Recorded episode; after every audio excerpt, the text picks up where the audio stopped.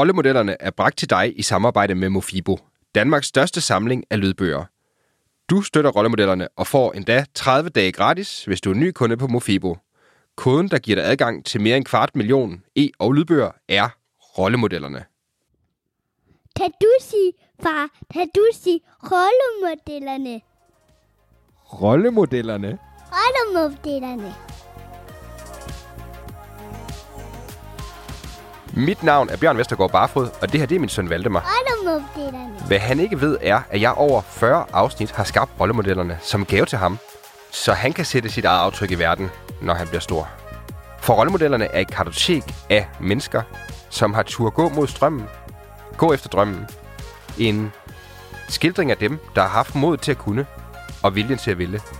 Selv har jeg lært uendelig meget af mine samtaler undervejs, uanset om gæsten var Martin Thorborg, Lars Seier eller Mia Wagner. Og jeg håber, at du, kære lytter, også vil lære af gæsternes erfaringer og strategier. Læn dig tilbage og lad dig blive forbløffet, berørt og måske vigtigst, inspireret. Velkommen til Rollemodellerne. Her starter du med den bedste inspiration. Ja, det er Bjørn her. Hej med dig, kære lytter, og rigtig hjertelig velkommen til det her 53. 20. afsnit af podcasten, som jeg faktisk godt tør love bliver en regulær verdenspremiere her i Rollemodellerne. Yes, du hørte rigtigt. For i dagens episode, det er allerførste gang i de her snart 55 episoder, vi har haft tidligere, at jeg interviewer en personlig mentor, en gæst, som jeg har haft et godt og længerevarende samarbejde med. Gæsten i dagens øh, episode, det er Maria Litrup, som har virksomheden Time Well Spent. Og Maria, hun er kvinden, der har ændret mit forhold til produktivitet og time management, og hun har givet mig bedre tid i livet, helt bogstaveligt talt. Grunden til, at jeg inviterede Marie med i podcasten, det var, at i 2020, der fik jeg en øh, helt genial idé til en startup, og der kunne jeg godt se, hvis jeg skulle finde tid til alle de her ting, jeg gerne vil, passe min familie, arbejde, podcast og nu også en startup, så var der en overhængende fare for, at jeg skulle risikere at gå ned med stress. Det var der, mine venner sagde, hvis du vil undgå, at det sker, så øh, skal du have fat i Marie. Jeg snakkede med Marie i omkring to minutter, og efter det indså jeg, at hun er the real deal. Og øh, jeg indledte et samarbejde med hende, der har betydet, at hun igennem en længere periode har givet mig enormt mange stærke indsigter og værktøjer, og hun har hjulpet mig til større effektivitet i hverdagen og, og mere ro på bagsmækken overordnet set. Og øh, i og med, at hun har været så god for mig, så vidste jeg også, at det vil være en nødvendighed for mig at give de her indsigter videre til dig, kære lytter. Så du også kan få de samme værktøjer, som jeg har fået. Det er omdrejningspunktet i det her afsnit, som du skal lytte til i dag. Det sjove er faktisk, at afslutningen på historien er blevet, at min øh, startup-idé, den er endt som realitet, og, øh, og om ikke så frygtelig lang tid, så fortæller jeg lidt mere om, hvad det præcis kommer til at indebære. Men jeg tør faktisk godt sige, at det kommer til at komme dig til gode, som lytter her på rollemodellerne. Så hvis du skulle have lyst til at læse lidt mere om, hvad det her det er, så tjek hjemmesiden rollemodellerne.dk for en stor nyhed i nær fremtid. Hvis du ikke er bekendt med, hvem Maria er, så får du lige en lynhurtig intro fordi Marie, hun har igennem en række år drevet virksomheden Time Well Spent, hvor hun har hjulpet ledere fra nogle af landets allerstørste virksomheder, f.eks. Novo eller Ørsted, med at genvinde kontrol med deres tid og opnå større effektivitet i deres arbejdsliv. Derudover er Marie en meget efterspurgt foredragsholder om time management, og den bedste anbefaling, jeg næsten kan give Marie, det er, at jeg har investeret en god chat af mine egne penge i et forløb med hende. Øhm, jeg kan næsten ikke øh, give hende en større rose med på vejen, end jeg gør her. Jeg vil anbefale dig, kære lytter, at lytte rigtig godt efter i dag, fordi at, øh, det kommer til at gå rigtig stærkt. Maria har meget på hjertet, og det indhold, hun kommer til at give i dagens afsnit, det tør jeg faktisk godt love, det kan ændre dit liv. Så jeg vil ikke have, at du ikke kommer og siger bagefter, at øh, jeg ikke advarer dig inden, så lyt rigtig godt efter dagens episode. Jeg har ikke så meget andet at tilføje. Rigtig god fornøjelse med dagens episode. Det her det er afsnit 53 af Rollemodellerne. Gæsten, hun hedder Marie Litrup, og jeg tør godt love, at din næste time, den kommer til at være time well spent, hvis du fortsætter med at lytte med her i Rollemodellerne. Rollemodellerne er bragt til dig i samarbejde med Tech Savvy Media. Et fedt medie med fokus på tech og iværksætteri. Marie Litrup. Ja. Kæft, for det dejligt at se dig. Jamen i lige måde, Bjørn. det er jeg virkelig glad for, at uh, du havde lyst til at komme med i uh, podcasten her. Jeg har glædet mig. Det har jeg også. Jeg næsten kunne sove nat, jo. Er det rigtigt? ja, det er ikke engang løgn. Men du har også små børn, jo, er det ikke sådan? ja. Så siger, så siger vi, nu, nu får du æren for det, ikke? Nå, okay. Joking aside, så øh, vil jeg egentlig bare lige øh, kort give lytterne et intro for, hvorfor vi sidder her, og hvad de kan forvente af dagens afsnit. Det kommer til at være lidt et special episode, øh, vil jeg godt sige, af podcasten. Baggrunden for, at øh, jeg sidder her sammen med Marie, er øh, egentlig det, at øh, jeg for et godt, år, godt et års tid siden, der øh, fik jeg jo den her knaldhammerende gode idé øh, til at stifte en forretning og blive iværksætter igen. Det, øh, det synes jeg var ekstremt spændende, men samtidig kunne jeg også godt kigge i en kalender, hvor at det kunne godt kunne give det, man vel godt på godt dansk kan sige, lidt udfordringer. På det tidspunkt der sad jeg i en fuldtidsstilling med en del arbejde, og øh, har også haft rollemodellerne, som jeg har kørt ved siden af, og så har jeg jo sådan set også øh, et par børn og en dejlig kone, som jeg også gerne vil se en gang imellem, og så, så kan du vel næsten regne ud, kære lytter, så er der ikke voldsomt meget tid tilbage til øh, at lave et startup. så det kunne jeg godt se, det problem problemer, jeg gøre noget ved. Og øh, der stødte jeg lynhurtigt på Marie, fordi hun blev anbefalet af nogle øh, bekendte, og faktisk også tidligere gæster i, i podcasten, øh, som er det hende, der kan hjælpe folk med at få mere tid. Så jeg hiv fat i Marie, og øh, det gik ikke mange minutter, Marie, før, at, øh, før at, øh, at jeg kunne fornemme, at øh, vi kunne få rigtig, rigtig godt øh, værdi ud af et samarbejde. Så jeg har faktisk investeret en chat af mine egne penge, øh, surt tjente penge endda, øh, i at få Marie til at hjælpe mig med det her. Og øh, jeg synes faktisk, at de indsigter øh, og de erfaringer, jeg har gjort med Marie, har været så fantastisk gode, at dem vil jeg egentlig godt øh, dele med dig, kære lytter. Og øh, det er derfor, vi sidder her i dag. Det er for at snakke om, hvordan du får mere tid i dit liv. Øh, og det er noget, det Marie hun er ekspert på. Så øh, hun kommer varmt anbefalet fra mig selv. Så kan jeg næsten ikke give dig en bedre intro, kan det, Marie? Nej, det var fornemt, det synes jeg. Fantastisk. Jeg synes, et godt øh, sted at starte er måske, øh, man kan sige, at sådan noget som time management kan jo godt lyde lidt øh, halvtørt, kan man godt sige.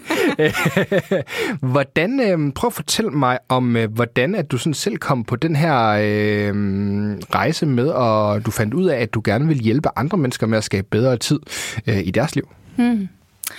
Jamen, jeg er jo... Øh jeg er jo født ud af virkeligheden, er jeg lige ved at sige. Øh, jeg har jo selv øh, arbejdet rigtig mange år som leder og direktør i både danske og internationale koncerner, og har oplevet på helt nært hold også, hvordan øh, hvordan det her med at styre tiden bare kan være en kæmpe, kæmpe begrænsende faktor i hverdagen. Øhm, øh, ofte så oplevede jeg, at øh, helt vildt gode, dygtige kollegaer og medarbejdere, de... Øh, de simpelthen øh, knækket på, at, øh, at de ikke kunne balancere tiden. Og det har ikke noget at gøre med hverken øh, erfaringer eller indsigter, eller hvor de kom fra, eller øh, at de ikke troede på dem selv, eller nogle af de her ting. Det, det, øh, det, det egentlig handlede om, det var, at de havde svært ved at styre tiden.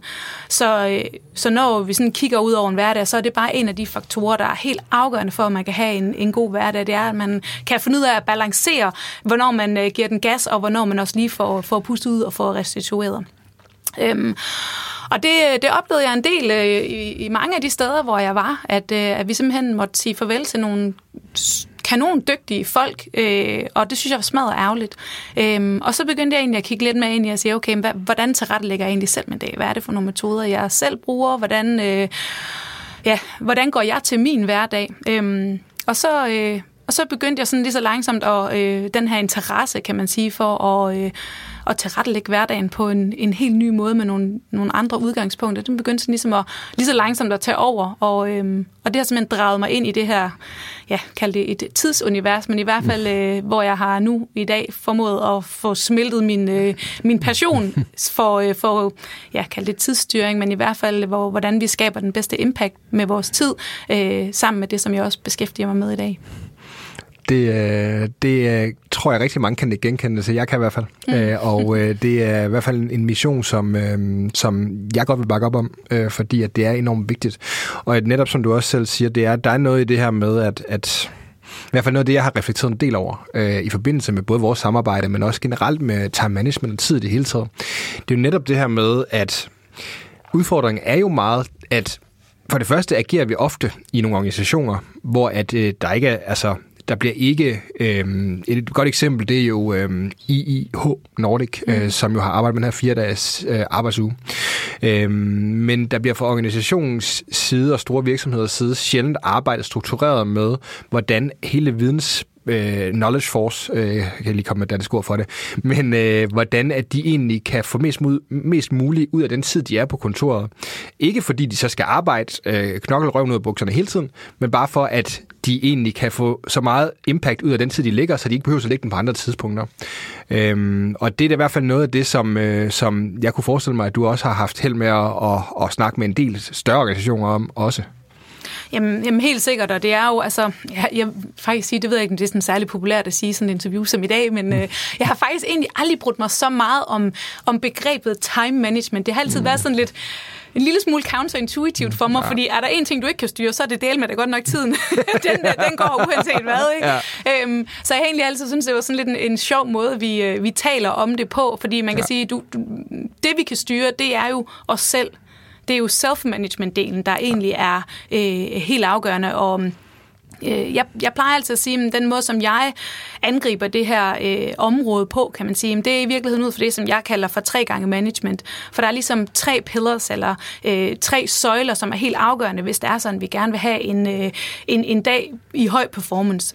Øh, og der, det er time management, det er den første pillar, og det er sådan ligesom, man siger, det er ligesom strukturen og fundamentet, det er ligesom den rammesætning, vi har for hverdagen. Så er der øh, self-management, og der er vi meget med inde og tale omkring adfærden. Altså, hvordan er vi som mennesker? Hvad, hvad, hvordan går vi til vores arbejde? Det har mega stor betydning for, øh, om og hvordan vi kommer i mål med de ting, som vi sætter os for.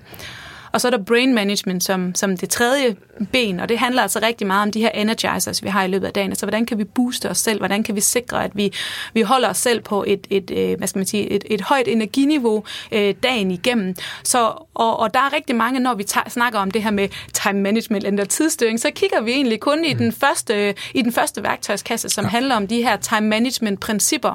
Og, og, og, og der ligger jo rigtig mange gode værktøjer. Det er ikke for at forklare det, for der er jo masser af ting, man kan gøre, også alt efter, hvad for et udgangspunkt man har. Øh, man kan sagtens løfte sig til et væsentligt højere niveau, men det kan bare ikke stå alene. Fordi hvis det er sådan, at vi kun går ind og kigger på time management principper, så kommer vi altså til at fejle med dem, fordi adfærdsdelen og energidelen, det hvor vi virkelig kan skabe noget fremdrift på tingene, de, de er simpelthen interafhængige. Vi er nødt til også at kigge på, hvordan er vores egen tilgang til vores øh, opgaver, øh, hvordan er vores, altså man kan sige, self-management-delen, det er også her, vi opbygger vanerne. Altså hvad de her vaner, som skal, skal understøtte og, og skabe konteksten for, at vi kommer i mål med de, øh, med de strukturer, vi sætter op øh, for os selv, det er helt afgørende. Så, så jeg prøver i virkeligheden at have en kalde det måske en lidt mere holistisk tilgang til det her med tidsstyring, hvor vi er nødt til at tage nogle flere aspekter med ind, fordi ellers så får vi bare nederlag med de øh, tiltag, som vi sætter i gang, og det, det skal vi jo for alt i verden undgå.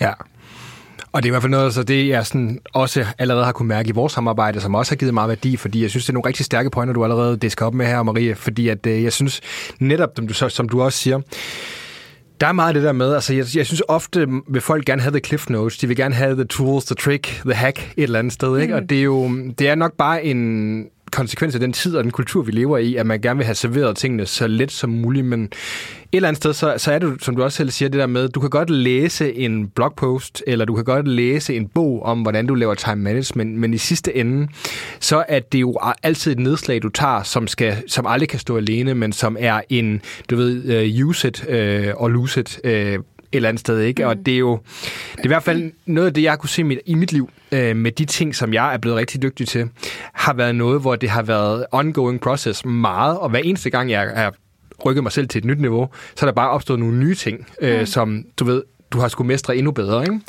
Og der tror jeg, det er enormt vigtigt, det her med at så kunne adskille og så sige, jamen det er ikke bare at så læse, at du skal skrive ting op i din kalender, eller andre sådan at hacks, øh, eller kald det, hvad du vil. Men der faktisk er nogle andre øh, aspekter øh, af det, som, som jo også er enormt spændende. Hvad var det egentlig for Marie en erkendelse, der sådan, inden vi sådan går for meget ned af hele, hele vejen omkring, hvordan du får bedst muligt tid, men hvad var det egentlig for en erkendelse, eller hvad var det egentlig for en episode i dit eget liv, der førte til, at du øh, valgte at tage det spring her? Jamen det var faktisk helt konkret. Jeg har selv været nede med en ordentlig omgang øh, stress for nu heldigvis rigtig mange år siden. Og inden det sådan øh, øh, blev mere, hvad skal man sige, øh, øh, kendt, nu er det jo desværre i dag, hvad man nærmest vil, vil klassificere som en folkesygdom. Men, øh, men, men jeg har selv oplevet, at, øh, at der var for mange ting, der kulminerede på samme tid. Øh, og det var, det var sådan på mange fronter i mit liv, hvor jeg simpelthen bare, altså min krop havde givet mig masser af signaler, som jeg selvfølgelig skulle have lyttet til. Det siger man jo altid retroperspektiv, men på et eller andet tidspunkt, så, øh, så sagde fælden bare, klaps, nu, øh, nu lukker vi lige ned. Så jeg havde faktisk en ganske lang periode, øh, som jeg husker på en, to-tre måneder, hvor jeg var, øh, kan man kalde det, ukampdygtig. hvor, jeg, hvor jeg simpelthen var, var sat ud af spil fuldstændig. Øh, og det er klart, når man har sådan nogle perioder i sit liv, øh, hvor er kortere og længere varighed, for mig var det her utrolig lang tid. Nu kender du mig også, jeg har sådan et generelt ret højt energiniveau, så det der med lige pludselig at være sat fuldstændig ud af spil i en, en lang periode, det, øh, det var helt øh, atypisk for mig. Øh, og så, så, sætter der, øh, så er der en masse tanker, der, der, der ligesom blev sat i gang i den forbindelse. Og kombineret med den erfaring, som jeg også havde i forhold til de, øh, de oplevelser, jeg havde med folk rundt omkring mig, der øh, var bare sådan, det, jeg tror simpelthen ikke på, at det her det kan ikke være den måde, vi skal være i verden på. Jeg, jeg tror ikke på, at den her med mere, mere, mere, hurtigere, hurtigere, hurtigere, som jo er mange af de tendenser, som vi har fulgt, øh, eller som er blevet os pålagt igennem rigtig lang tid, jeg er simpelthen øh, helt grundlæggende den overbevisning, vi er nødt til at stoppe op i det der, og så begynde at tage nogle aktive valg. Fordi øh, det her med hele tiden at jagte øh, to-do-listen, eller øh, øh jagte mere og mere, hurtigere og hurtigere, det, øh, det kommer til at galt, og det gør det for alle på et eller andet tidspunkt. Så, øh, så man kan sige, det der ligesom var afgørende for mig, det var at sige, at jeg vil gerne øh, performe på et højt niveau i mit liv. Jeg vil gerne øh, lave ting, der har stor betydning for mig, og også for andre. Og jeg vil gerne tilrettelægge det på en måde, sådan, så jeg også kan trække vejret, og som du selv sagde øh, indledningsvis, se den der dejlige familie, som man, øh, man jo har fået for en, øh, af en årsag. ja. øhm, og, og der er mange andre ting i mit liv, som jeg også synes er enormt vigtigt, samtidig med, at jeg også gerne vil have et, et meningsfyldt arbejdsliv. Så, så for mig blev den her øh, erfaring, øh, som var jo en, en, en, en periode alt overskyggende, altså det er jo også en meget fysisk oplevelse, når man har, øh, når man, øh, når man oplever stress. Øh, den, den var simpelthen en katalysator for, at jeg valgte at sige, at jeg vil en anden vej. Jeg, jeg var allerede begyndt at arbejde med nogle af de her ting, og, øh, og det blev virkelig sådan en drivkraft eller en motor for at sige, at jeg, det her det er sindssygt øh, vigtigt, det er det for mig, men jeg synes også, det føles også vigtigt for... Øh, verden, hvis det var, at jeg havde mulighed for at bidrage med, med nogle af de her indsigter og erfaringer, som jeg har gjort mig øh, til andre. Så det var sådan ligesom det, der blev den, øh, der blev den øh, helt store øh, motor. Øh, og den, øh, den motor har der været godt øh, gang i siden, må man sige. ja, det har der, men, men jo på en, øh, på en, synes jeg i hvert fald selv, lidt mere øh, øh, afbalanceret måde. For det er jo hele tiden det der med, at øh, selvfølgelig, vi har alle sammen perioder øh, af vores liv indimellem, hvor der bare blæs på. Øh, men det der ved at være opmærksom på det, og det der med at sige, okay, nu har jeg haft øh, tre uger, hvor jeg øh, har været helt rundtosset. Nu har jeg simpelthen lige brug for at hive stikket og tage nogle perioder, hvor, eller tage en periode, hvor der lige ikke er så meget øh, udadvendt aktivitet, eller hvor man kan lave nogle ting, hvor man også får tanket sig selv op. Så noget af det, som jeg øh, også helt øh, privat bruger meget krudt på, det der med at så finde ud af, hvad er det for nogle ting, der giver mig energi, og sørge for at få dem passet ind i en hverdag også. Øhm, det tror jeg, det er jo, øh, apropos, nu havde vi jo en lille, lille kort snak her, inden vi, øh, inden vi tændte på den øh, røde record-button, øhm, og vi sidder jo her midt i, øh, hvad vi håber på er slutningen af en, en, af en coronaperiode snart, forhåbentlig. Ikke? og man kan sige, lige præcis det der med energien i løbet af dagen er jo noget af det, som, som rigtig mange øh, øhm, tumler med lige i øjeblikket. Rigtig mange af, af de organisationer, som jeg også hjælper, de, åh, de oplever bare, at medarbejderne skulle være, være med det. Altså, vi har bare siddet hjemme virkelig, virkelig mm. længe, ja. og, øh, og de der energizers og de der boosters, som vi kan få i løbet af dagen, dem, de er svære, når vi sidder derhjemme for os selv. Ja. Øhm, så det der med at blive opmærksom på, hvad er det, der tanker os op i løbet af dagen, sådan så øh, det hele ikke bare bliver sådan en stor grød af det ja. ene online møde efter det andet. Det er, ja. jo, øh, det er jo kanon vigtigt. Det er det, og der er jo også en, en, der er jo også en reel risiko for, altså netop fordi man kan sige, at, at hvis der er noget, vi kan tage med for coronaen, øh, så er det jo helt klart, at, at der er muligheder øh, begge veje. Jeg tror, mange er blevet opmærksom på, hvor meget de værdsætter at være i et fysisk miljø omkring deres kollegaer. Der er mm. formodentlig også nogen, der den anden vej siger, at var det egentlig også dejligt engang, at man bare kunne trække stikket øh, og sidde derhjemme og arbejde, uden man skal være forstyrret. Ja. Øhm, men der er i hvert fald et eller andet i det her med, at det, som der kan være en negativ øh, effekt på sigt af, af det her med at få digitaliseret flere møder, mere hjemmearbejde og de der ting, er jo i hvert fald det der med, at du sidder og kigger ned i, øh, at du har ikke nogen switching costs mellem møder, så principielt set, ja. der kan du sidde back-to-back, øh, nærmest fra du møder til du går igen, ja. øh, og er nærmest nødt til at booke dig selv, ikke for at altså, kunne få en frokostpause et eller andet sted. Ikke? Øh, og der er der i hvert fald også noget i, øh, som du også selv siger, i forhold til self-management, at kende sig selv så godt, og vide, hvad er det egentlig, der får mig igennem en dag, hvor jeg også kan, kan performe på et vist niveau over, over tid, ikke? Ja, og fuldstændig enig, og der kan man sige nu lige præcis i forhold til det, som du nævner nu med de her back-to-back møder, som jo lige i øjeblikket er et, et et kæmpe problem i rigtig mange, og specielt mange af de større organisationer, hvor, hvor der er flere forskellige lag, kan man sige. Ikke? Så man bliver jo booket i møder på, på kryds og tværs. Øh, og, og der kan man sige, jo, et er at kende sig selv, øh, hvordan man selv fungerer bedst, men jeg synes jo også, man som organisation og som leder især har et kæmpe ansvar her, fordi det er jo ikke kun mig og dig, der fungerer mm. bedst med lige at have et ophold det gælder jo også alle vores medarbejdere. Det gælder ja. alle dem, som vi også booker til møder. Øh, så, og, og, og der er absolut switching cost. Der er også den her... Øh, Øhm, attention residue, altså sådan helt konkret, at vores, vores opmærksomhed, den hænger fast den er hele tiden lidt bagud, så man kan sige, når vi switcher over i et nyt møde, så går der altså lige noget tid, indtil hjernen catcher op, indtil hjernen forstår, at okay, nu er vi inde i næste møde. Hvad var det nu lige, agendaen var her? Hvad var det lige, vi skulle snakke om? Hvad er det lige, jeg skal byde ind med? Der går bare noget tid, og det er regulær spildtid. Så man kan sige, der er ikke noget at vinde ved at have væg-til-væg møder. Der er kun noget at tabe. Så en af de nemmeste ting, man kan gøre for sig selv, hvis man arbejder et sted, hvor man oplever at have back-to-back møder, det er at bare gå ind og sige, prøv at høre, vi indstiller lige Outlook-kalenderen mm. til, at den booker ikke halvtimers og hele timers møder, den booker 25 minutters møder, og den booker 50 minutters møde, og så er den prut ude.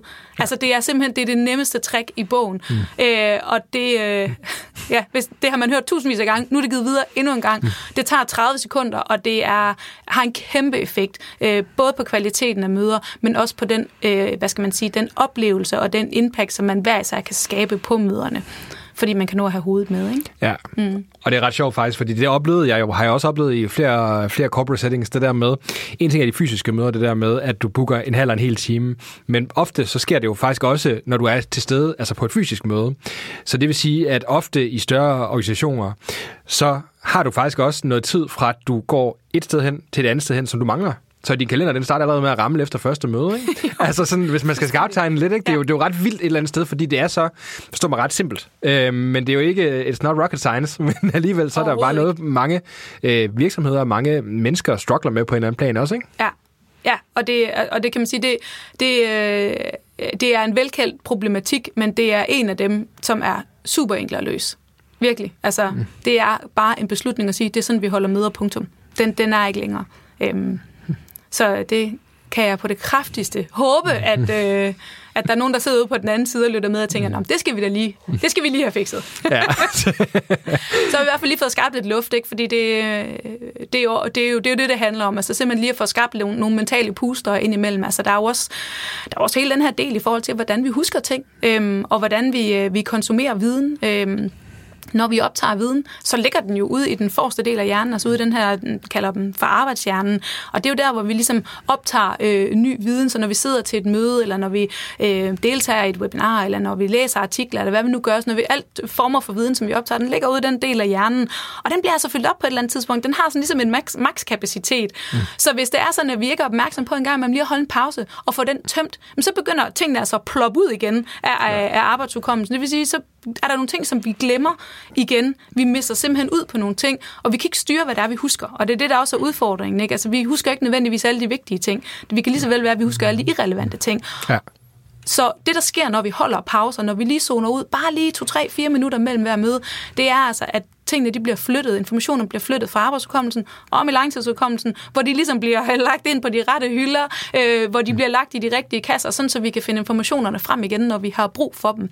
Så, så det, er også, altså, det er jo bare også for at sige, der er jo også et aspekt af det her med, at øh, når vi nu deltager i alle de her møder, vi skal også gerne kunne huske, hvad vi, hvad vi bidrager med, og vi skal også gerne kunne huske, hvad vi egentlig var, vi blev enige om. Øh, og det er, det er rigtig svært, hvis vi simpelthen bare fylder op og fylder op og fylder op i arbejdsudkommelsen hele dagen lang, og glemmer at få, øh, få læsset lidt tilbage om i langtidsudkommelsen. Øhm, så, så det er også absolut et aspekt af det. Og det er det der med, altså det, og det kommer alt sammen tilbage til det, vi sådan også nævnte lidt tidligere, netop det her med, at vi har bare ikke den skole, altså hverken som organisationer eller som individer har vi måske den skoling, der gør, at vi er bekendte med mange af den måde, vi sådan rent fysiologisk øh, fungerer på, som det er jo igen også altså hele den her knowledge worker øh, mm. kultur øh, og, og stilling i det hele taget. Det er jo for det første noget, som er der er blevet kommet mange, mange flere af igennem øh, de sidste mange år. Men i lige så høj grad er det også noget, der sådan er sådan ongoing øh, i udvikling. Ikke? Så du også det der med, altså et, et helt konkret eksempel er jo også sådan noget som e-mail-kulturen, ikke? Altså som, hvor, hvor, hvor meget der er sket med den bare i de sidste 15 år, og hvordan det sådan ser ud. Og det er jo netop det der med, at der er jo nogle, det er den der, jeg kan meget godt lide den der metafor, der hedder den der med, først øh, skaber mennesker og værktøjet, og så, eller først former mennesker værktøjet, og så former værktøjet mennesker. Mm. Øhm, og det er også det der med, det er jo, dybest set det, vi mangler, det er den der basale øh, forståelsesramme. Altså, jeg har snakket faktisk om det med, med en ven her så sent som i, i sidste uge, det der med, at vi lærer i vores uddannelsessystem, og der lærer vi ekstremt mange ting øh, som er vigtige og relevante for os, men der er del med ikke nogen, der lærer os, hvordan du øh, bliver en god vidensarbejder, eller hvordan du arbejder bedst muligt med din egen læring, ja. hvordan du arbejder bedst muligt med din egen time management, for undskyld, jeg bruger udtrykket. Nej, nej, det er fint. øhm, og det er jo i sidste ende, så er det også det der med, altså man kan sige, det er også det, jeg selv så, det der med, at du må jo tage et proaktivt valg som individ på, at det her det er noget, som jeg vil, fordi der er jo ikke nogen, der hjælper dig med mm. det, og det, det tror jeg nok, øh, det er taget ud af den blå luft, så det kan godt være, det er en, en forkert formodning, men det tror jeg jeg bare, der er rigtig mange, der stadigvæk ikke har indset, at de egentlig har brug for at, at arbejde med den her del af det, så at det netop kan, kan, kan frigive mere af deres tid til det, der er det vigtigste. Jamen, jeg er simpelthen så enig med dig, Bjørn. Man skulle næsten tro, vi havde aftalt det her inden, men det, jeg har to helt store ønsker. Jeg har faktisk tre, men, øh, men, men to i hvert fald helt store ønsker til, øh, til folkeskolen. Og et, det er, at øh, de begynder at lære de unge mennesker noget omkring privat økonomi, og hvordan man, man styrer sin egen økonomi. Og så helt klart også noget omkring, hvordan er det egentlig, man tilrettelægger sin egen tid. Fordi allerede, når man begynder at komme op i lidt større klasser og skal aflevere opgaver og projekter, og når man kommer i gymnasiet, og der er de her lidt større øh, øh, afleveringer osv. Allerede der kan vi jo se, hvordan øh, de unge mennesker, de bare struggler, og alting, det er bare last minute. Det er først, når den der deadline, den lyser blodrødt, at de sætter sig ned og, nå, okay, så må jeg også hellere komme i gang af. Ja. Og det er bare sindssygt uhensigtsmæssig måde at arbejde på det her med, fordi du kommer bare ind i den her travlhedsspiral, hvor du hele tiden bliver pustet i nakken af deadlines, deadlines, deadlines, og tager du den adfærd med dig ind i dit voksenliv og dit arbejdsliv, så får du det altså smadret hårdt. Så ja. det der med at lære og kigge på, hvad kan planlægning gøre? Hvad for nogle metoder kan vi øh, gøre brug af, for at vi kan styre øh, os selv, altså den her egen adfærd. Hvad er det for nogle øh, rutiner, vi kan, vi kan lægge ned for os selv? Ja, øh, James Clear, som jo er... Øh, en fantastisk forfatter, blandt andet har skrevet Atomic Habits. Øh, han, øh, han, har, han har tonsvis af fantastiske citater, men mit yndlingscitat fra ham, det er You do not reach to the level of your goals, you fall to the level of your systems. Og jeg synes bare, det er sådan en mega stærk citat, fordi det, han jo siger med det, det er, at mm, mm, vi har alle sammen, vi aspirerer alle sammen mod noget, vi har alle sammen nogle fantastiske mål, vi har alle sammen de bedste intentioner for alt det, vi gerne vil. Men det er den rammesætning, som vi laver for os selv. Det er de strukturer, det er den øh, øh, rutine og, og, hvad skal man sige, og, ja, og, og struktur, vi bygger op for os selv, der er helt afgørende for, om vi når i mål med tingene eller ej. Så vanerne, rutinerne, rammesætningen, det, det er den, vi skal kigge på, og den kan man altså lære helt vildt tidligt. Altså, det er noget af det, hvor man kan sige, nu, jeg har øh, også øh, to øh, unger, som går i folkeskolen og har haft hjemmeskole, og alt det her, det har været en, øh, en fest. Der har været utrolig meget larm også. øh, men, ja. men en af de ting, som, øh, som virkelig har været kanon sjovt faktisk, det har været, at min, min ældste søn, som er 10, og jeg, vi har hver øh, aften siddet og planlagt hans kommende dag. Det her med at, ligesom at vende ham til at bruge øh, et schema og sige, okay, hvad er det for nogle ting, du skal igennem i morgen? Hvordan har du tænkt dig at gribe det an? Hvor lang tid regner du med at skulle bruge på det? Og sådan. Så den her med at tilrettelægge sin dag, er bare blevet en naturlig del. Det kan man sige, det har man mindre brug for, når man er i skolen, hvor rammerne ligesom er givet. Men ja. den her forståelse for, hvordan man tilrettelægger sin egen tid, sine egne opgaver, og når de ting, som man ønsker at nå, så det ikke altid er på andres præmisser, øhm, men at man faktisk også får i sat de ting, som siger, det her det er faktisk vigtigt for mig. Det her det er noget, som, hvor jeg føler, jeg kan bidrage med noget, eller hvor jeg synes, her kan jeg skabe noget med stor impact det skal jeg have plads til i mit schema, så det er der med også at ligesom få taget kontrollen over det, der er helt, vigtigt, helt vildt vigtigt. Så, øhm, og der er bare rigtig mange ting, som man godt kan lære fra en ret tidlig alder, som vil hjælpe en sindssygt meget, når man så rammer øh, arbejdsmarkedet. Øhm, ja. Jeg holder lige en kunstpause, ikke? Ja, jo, det, er en var vigtig, meget det, snak. Det, det, det, er en vigtig, det er en vigtig pointe, Maria, så det skal vi lige huske at lige lade, lade, lade lytterne få den med også. Det kan vi snakke rigtig meget om, og det skal vi også. Øhm, jeg tror lige, vil have et sidste spørgsmål om dig, inden vi hopper videre til, til den del af det. Øhm, fordi at øh, vi, øh, vi hoppede lidt øh, væk fra der, hvor øh, at du øh, i hvert fald øh, gik ned med stress, mm. og så ligesom besluttede sig for, at det var noget, du havde nogle erfaringer, og du havde nogle systemer og nogle værktøjer, du gerne ville hjælpe folk med.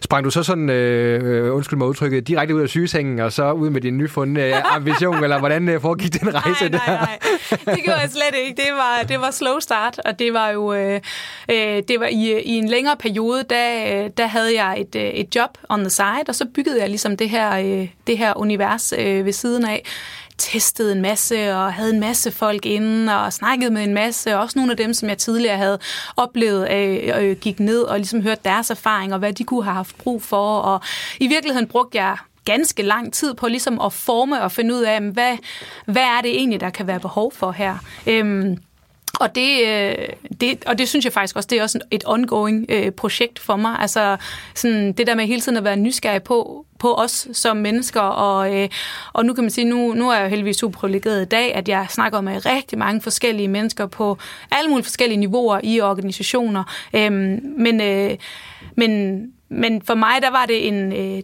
det var en, en, en step-by-step rejse, og på et eller andet tidspunkt, så var der ligesom sådan et, øh, øh, også på privatfronten øh, derhjemme, et, øh, hvad man måske vil kalde et transfervindue.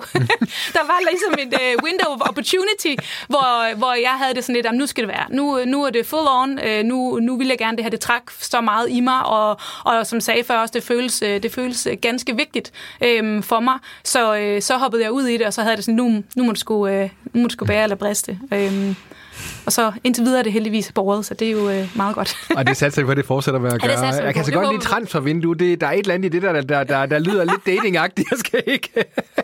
ja, jeg var mere over i noget, sådan noget fodboldterminologi. Men øh, ja. jeg, jeg ser, hvor du kommer fra, Maria. Det, øh... det er lidt svært at lave godt overlæg for transfervindue, og så til time management, ikke? Ja, eller sådan, lade den hænge lidt? Ja, eller? det kan godt være, at vi bare skal lade den, lade den dø øh, sin, egen, sin egen stille død. Øhm, men det, det der derimod synes, der er rigtig interessant og rigtig relevant at snakke om, for du, øh, du kommer ind på exceptionelt mange interessante ting her. Øhm, og noget af det, som jeg synes er det første vigtigste at gribe fat i her, når vi snakker om det, fordi... Øhm, nej, der er faktisk en pointe, jeg lige vil lave inden det er det her med, fordi at det der også selvfølgelig er meget sådan interessant, synes jeg, i forhold til det arbejde, du har, og der, hvor du er. Det er også det der med at så kunne følge med den der udvikling, ikke? Fordi at, altså, du ved, jeg er jo en mega, mega læringsnørd, og jeg læser jo ekstremt mange bøger mm. fra hele tiden, og alle mulige forskellige øh, år. Og det sjove er også det der med lige præcis det her, altså når du ser sådan noget 80'er litteratur omkring tingene, og hvordan tingene har udviklet sig til i dag og sådan noget, det er jo, sådan noget som det her, det er jo også ekstremt borget af den kultur og, de, øh, og den, de, den måde, mennesker agerer på nu. Ikke? Og mm. det, det tænker jeg også, det må være en vigtig del af dit arbejde, det der med at, og netop at kunne følge med i, hvordan det egentlig er, der sker. Ja, og jeg tror faktisk, og det, det kommer helt fra igen, det tænker jeg faktisk på før dengang, du, øh, du nævnte det, så glemte jeg lige at få kommenteret på det, men, men du sagde det her med, at blandt andet e-mail-kultur var stukket helt af, og så videre, og, øh, og, og, og, og det er jo fuldstændig rigtigt, det, den, den er jo stukket fuldstændig af. Øhm, men det der er faktisk ret mange ting, der er. Altså hastigheden i vores arbejde i dag, den er, går kun en vej. Alting skal gå hurtigere, hurtigere, hurtigere. Vi forventer sig at levere på ting øh, med kortere og kortere tidsintervaller. Øhm, og, og det er jo som sådan fint nok. Altså jeg synes jo, altså udvikling i ting og alt og tempo og sådan noget, fantastisk, det er jo øh, det er en præmis, og det er altid men, men det, der kan være udfordrende, det er, at øh, vores arbejdsvaner, den måde, vi går til arbejdet på, den har ikke ændret sig. Så, så vi får simpelthen ikke opdateret den måde, vi arbejder på, og det er det, der skaber problemerne. Ikke? Fordi man kan sige, hvis... Øh, du og jeg, øh, nu kender jeg ikke lige din præcise alder, det er også faren. Jeg tænker, vi er nogenlunde jævnaldrende. Vi har jo allerede været på arbejdsmarkedet i ganske lang tid. Den måde, som vi startede med at arbejde på, og sådan er det for de fleste, det er, når man så kommer ud, og netop fordi man har ikke lært noget i folkeskolen omkring det, så man bliver ligesom plumpet ind i sin første virksomhed, og så får du en øh, PC, og du får en e-mail-konto og, og en kalender, og så go, go fix. Øh, og så finder man ligesom sådan, så må man jo sætte sig ned og sådan, okay, hvordan, hvordan fungerer det her lige? Og man, man prøver sådan ligesom selv at skabe sig nogle systemer, nogle strukturer, og finde ud af, hvad der virker, og man begynder måske at lave lidt arkiver og alle de her ting og sager. Og så i løbet af de første par år, så finder man ligesom ud af, okay, jamen det her, nu, nu kan jeg sådan holde mig flydende, det er fine, nu kører det. Udfordringen er bare, at den hastighed, hvormed vi forventes at levere ting, den går hurtigere og hurtigere og hurtigere. Så hvis vi kigger tilbage for, for 20 år siden, da du og jeg kom på arbejdsmarkedet, og vi ligesom, der arbejdede vi på den her måde, den måde, vi leverer ting på i dag, skal jo gå tusind gange hurtigere. Udfordringen er bare, at mange de arbejder, som de gjorde for 20 år siden stadigvæk. Vi har simpelthen ikke fået fine-tunet vores arbejdsdager, vi har ikke fået fine-tunet den måde, vi griber vores arbejde an på. Så vi bruger de samme metoder, men i en verden, hvor ting bare blæser afsted. Og de to ting, de giver et kæmpe mismatch, fordi så er det netop, at vi hele tiden føler, at vi er på bagkant. Vi er hele tiden reaktive, vi reagerer hele tiden på ting, der sker omkring os, i stedet for ligesom at sige, cut, stop, nu tager jeg lige øh, føretrøjen på. Det her det er fandme mit arbejdsliv. Jeg skal nok call the shots her. Så ligesom få tvistet det der billede til at sige, nu er jeg proaktiv, nu er det mig, der sætter rammerne for, hvad jeg skal bruge min tid på, hvor jeg kan bidrage bedst til den her virksomhed, som jeg enten ejer eller, eller arbejder for. Øhm, så det er bare sådan et, et, et, hvad skal man sige, et mindset øh, shift i forhold til, hvordan vi går på arbejde, når vi ligesom går ned og siger, jeg, jeg trækker lige en streg i sandet her, og så skaber jeg mig nogle nye arbejdsvaner, som er, øh, hvad skal man sige, som er tidsaktuelle, som svarer til den tid og de, øh, de krav og de præmisser, der er i dag. Og det er i virkeligheden der, hvor jeg ser det største skift for folk. Ja.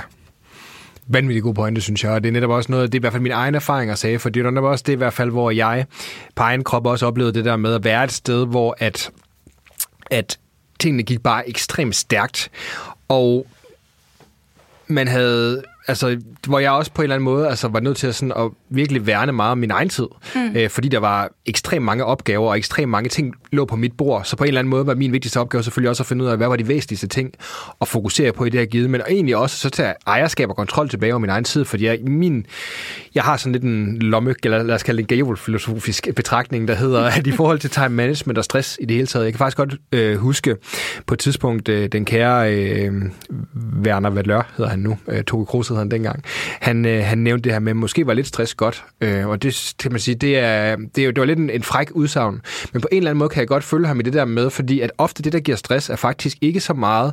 Det sjove er, at jeg har interviewet ekstremt mange iværksættere, og nogle af dem har også gået ned med stress og har mm. haft stressperioder, ligesom du også selv har. Så det er ikke for at negligere, at der er et problem i det, når du er så øh, forbundet med dit arbejde, som du er så ofte som selvstændig iværksætter.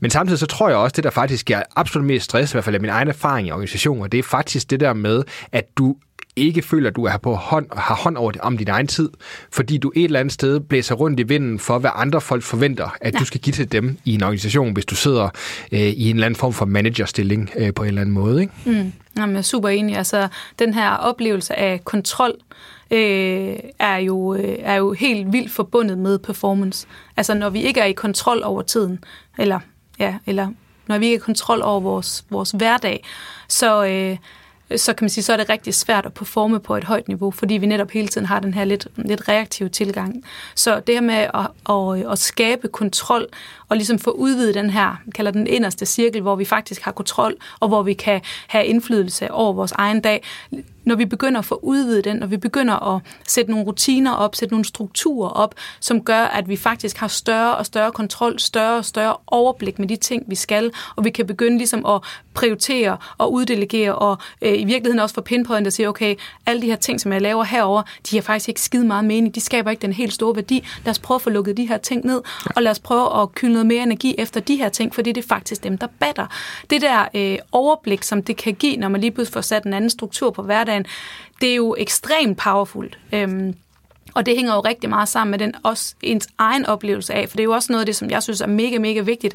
Og nu, den virksomhed, som jeg har, den hedder Time Well Spent, og nu er vi faktisk virkelig ned og, og snakke helt om kernen i forhold til, hvorfor jeg synes, det her det er vigtigt, fordi det handler jo netop om den oplevelse, som vi selv har.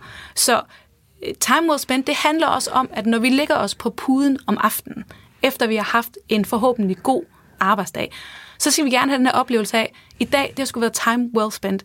I dag, jeg synes, jeg har nået de ting, jeg gerne ville. Jeg har øh, skabt connection med de folk, jeg gerne ville. Jeg har fået sat de rigtige ting i spil. Jeg er faktisk tilfreds med min indsats. Jeg kan gå i seng med øh, ro i maven og ro i hovedet og glæde mig til i morgen. Det er helt afgørende, for det er altså den måde, vi er bedst som mennesker på. Øhm, og alt for mange oplever jeg går øh, for det første alt for sent i seng. Det er en helt anden snak, det vi snakker om på et andet tidspunkt, men, men går, går, øh, går for sent i seng og har uro og er, er, øh, føler sig allerede øh, bagud i forhold til i morgen, og der var en masse ting, vi ikke nåede i dag og så videre. Så den her sådan, øh, utilfredshed eller følelse af, at vi ikke slår til, den forplanter sig. Øh, og hvis vi har den for ofte, så, så går den altså ud og, øh, og påvirker os i ekstrem negativ grad over tid. Øhm, ja. Og det er noget af det, som jeg synes er vigtigt at prøve at tage fat i. At vi skal altså, vi skal altså øh, øh, øh, gå efter at have dage, som er time well spent, altså som, hvor vi virkelig synes, jamen, vi har nået de ting, vi gerne vil. Vi har været impactful. Vi har haft en, øh, en, en værditilvækst for os selv og for den virksomhed, som vi har. Ja, det kan jeg godt ikke genkende det til. Jeg tror, som du selv siger, det der compound, den der compound-effekt, der er over tid netop det der med, at du altid føler lidt bagefter. Det er jo egentlig, mm. sådan er det jo ofte, når vi snakker stress og så videre, ikke fordi vi skal bruge hele vores podcast for at snakke om det, men, øh, men det er netop det der med, at det kan godt være, at du altid lige har sådan en lille smule bagefter, men så kommer der bare en ting, der bare ligger det resten, altså som, du ved, får hele dominospil til at, at, at vælte et eller andet sted. Ikke? Mm. Så netop det der med at prøve at være på forkant i stedet for at være på bagkant, er jo i hvert fald et godt sted at starte. Ja, øhm, et godt overlæg til det kunne være, altså man kan sige, at, at, at hvis vi skal prøve at så snakke lidt mere ned, og nu vil vi snakke rigtig meget rundt om problemet, og også lidt om, hvad det er, så, så lad os bruge lidt tid på at snakke om løsningen. Øhm, jeg synes i hvert fald, en af de væsentligste ting at snakke om i dag, Marie, fordi det er også noget af det, som jeg i egen optik, og du har også været lidt inde på det tidligere, øhm, synes er en af de jeg havde næsten brugt det ord, men lavest hængende frugter. øh, hvor fanden er de fucking frugter hænger? altså, jeg, jeg kunne tage dem, ikke? Øhm, men det er det der med at kunne skælne det væsentlige fra det uvæsentlige. Mm. Øh, og få de ting, der batter mest, som, ja. som du også siger. Kan du prøve at tage lytterne lidt igennem, hvordan øh, du plejer at rådgive dine klienter og de virksomheder, du arbejder med på det? Fordi at det var alt andet lige. Jeg tror rigtig meget på Pareto's, som er det der 80-20 øh, med, mm. at øh, 20% af de ting, du gør, giver 80% af de resultater. Mm. Og sådan er det typisk set også med opgaver. Så prøv at tage mig og lytterne lidt med igennem den proces, og hvad du vil råde dem til at gøre, hvis du skal prøve at finde lidt mere ind til kernen af det, der skaber den største værdi øh, i dine daglige øh, day-to-day ting. Ja. Og der kommer vi i virkeligheden øh, helt tilbage til øh, vores, øh, vores udgangspunkt, kan man sige, fordi hvor vi snakker om, hvad er det for en struktur, vi laver for dagen. Øh, noget af det, som jeg oplever rigtig ofte, det er, at folk faktisk øh, ikke altid har et overblik over, hvad de skal.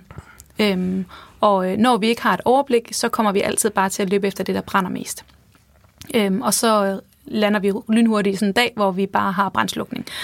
Så man kan sige, at det første, jeg typisk gør, når jeg øh, er sammen med øh, mine øh, kunder, det er, at vi starter med ligesom at få skabt et overblik og sige, godt, hvad har vi på pladen? Hvad er det for nogle opgaver, du er på? Hvad er det for nogle projekter, du har? Hvad er det for nogle ting, der ligger? Hvad er det for noget, der ikke er løst endnu? Hvad er det for nogle ting, du øh, går og tænker ind i hovedet, som du måske ikke engang har fået noteret ned endnu? Simpelthen starte med ligesom at få skabt et overblik. Og det der med at skrive ting ned, fuldstændig så lavpraktisk, som det kan være. Det er he- helt klart en af de meget lavt hængende frugter. Det er lige før den rører jorden. Ikke? Mm.